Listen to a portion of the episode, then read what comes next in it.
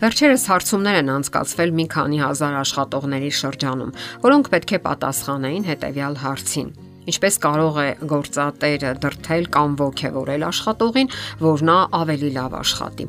Ղեկավարները զարմացած էին, որ ցուցակում առաջինը նշված պատասխանները ոչ մի ընդհանուր բան չունեին եկամուտների եւ ապարքեվատրումների հետ։ Մարդկանց մեծ մասը հայտարարել էր, որ միակ բանը, որ կհարկադրի իրենց ավելի լավ աշխատել, դա շնորհակալությունն է իրենց աշխատանքի ներդրած ջանքերի համար, այսինքն գնահատանքը։ Այսпիսով, եթե շնորհակալությունը կարող է մարդուն մղել ավելի լավ աշխատելու, ապա միթե չի կարող ամուսնուն դրթել ավելի շատ ջանքեր ներդնելու տնային պարտականություններում եւ աշխատանքներում եւ ավելի լավ վերաբերմունք դրսեւորել կնոջ կամ ամուսնու հանդեպ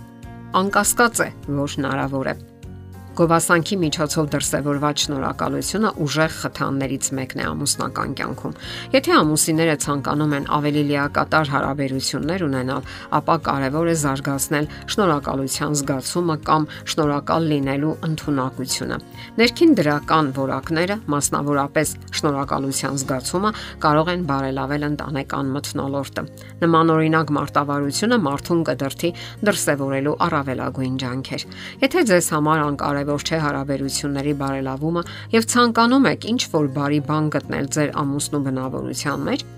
ապա կա նման մարտավարություն, որ բացասական գծերի օգնությամբ ի հայտ են բերում հիացմունքի արժանի որակները։ Եվ այսպես հաշվի առնենք հետեւյալ գործոնները։ Եթե ձեր ամուսինը կամ կինը դանդաղկոտ է, ուրեմն դրական հակակշիռը զգուշավորությունն է, ուշադրությունը մանրուքների հանդեպ, ինչն արդեն իսկ լավ է։ Եթե նա անհոգ է, նման մարդիկ թեթև են շփվում, ներողամիտ են, ինչը կարևոր է մեր չարացած ու լարված ժամանակներում։ Եթե նա մանրախնդիր է, ուրեմն ջանադիր մարդ է, սիրում է, որ ամեն ինչ իր տեղում լինի եւ ճիշտ լինի։ Եթե նա չի կարողանում ասել ոչ, ուրեմն խաղաղասեր է, փափուկ, պատրաստ օգնելու, կարեկցելու։ Եթե նա չափազանց շատ է խոսում, ուրեմն արտահայտվող է, ուրախadir է մանրուքների հանդեպ։ Եթե նա չափազանց խիստ է, ուրեմն կարկապահ է, վերահսկում է իրեն, լուրջ է։ Եթե նա բոլորին իր կամքն է պարտադրում, ուրեմն վճռական է, համառ, համոզիչ։ Ահա թե ինչպես կարող եք հակակշռել դրական որակները եւ գնալ բարյացակամ շփումների։ Ասենք նաև, որ տղամարդիկ նույնպես սատարման կարիք ունեն Իհարկե նրանք բարերով չեն արտահայտում դա։ Տղամարդը սովորաբար չի ասում. Գիտես, ես սատարման կամ շնորհակալության կամ գնահատանքի կարիք ունեմ, բայց երբ այդ սատարումը չկա, դա կարող է հանգեցնել դեպրեսիայի, վնասակար սովորությունների եւ անգամ բռնության։ Այնպես որ նման երևույթներ նկատելու դեպքում պետք չէ զարմանալ, այլ հարկավոր է գտնել պատճառը եւ համապատասխան հետեւություններ անել։ Ահա թե ինչու կարևոր է գնահատել դիմացինին եւ շնորհակալ լինել յուրաքանչյուր բարի արարքի համար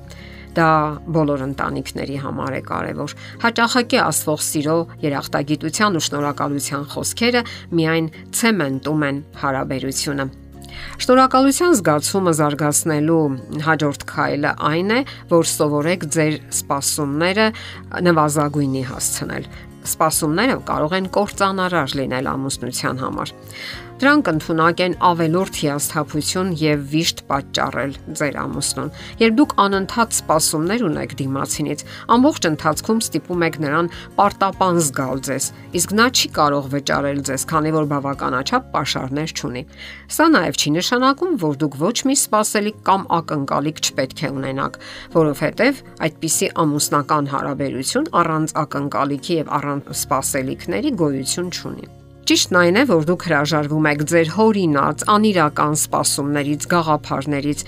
Եւ չեք սպասում, երբ եւ ինչպես պետք է դրանք իրականանան։ Իհարկե, նաև ձեռքները ծալած չեք նստում, այլ սկսում եք կատարելագործել հարաբերությունները, որոնք կախված են նաև ձեզանից։ Դուք աշխատում եք ձեր որակների վրա եւ արդյունքում ժամանակի ընթացքում կնկատեք դրական տեղաշարժեր։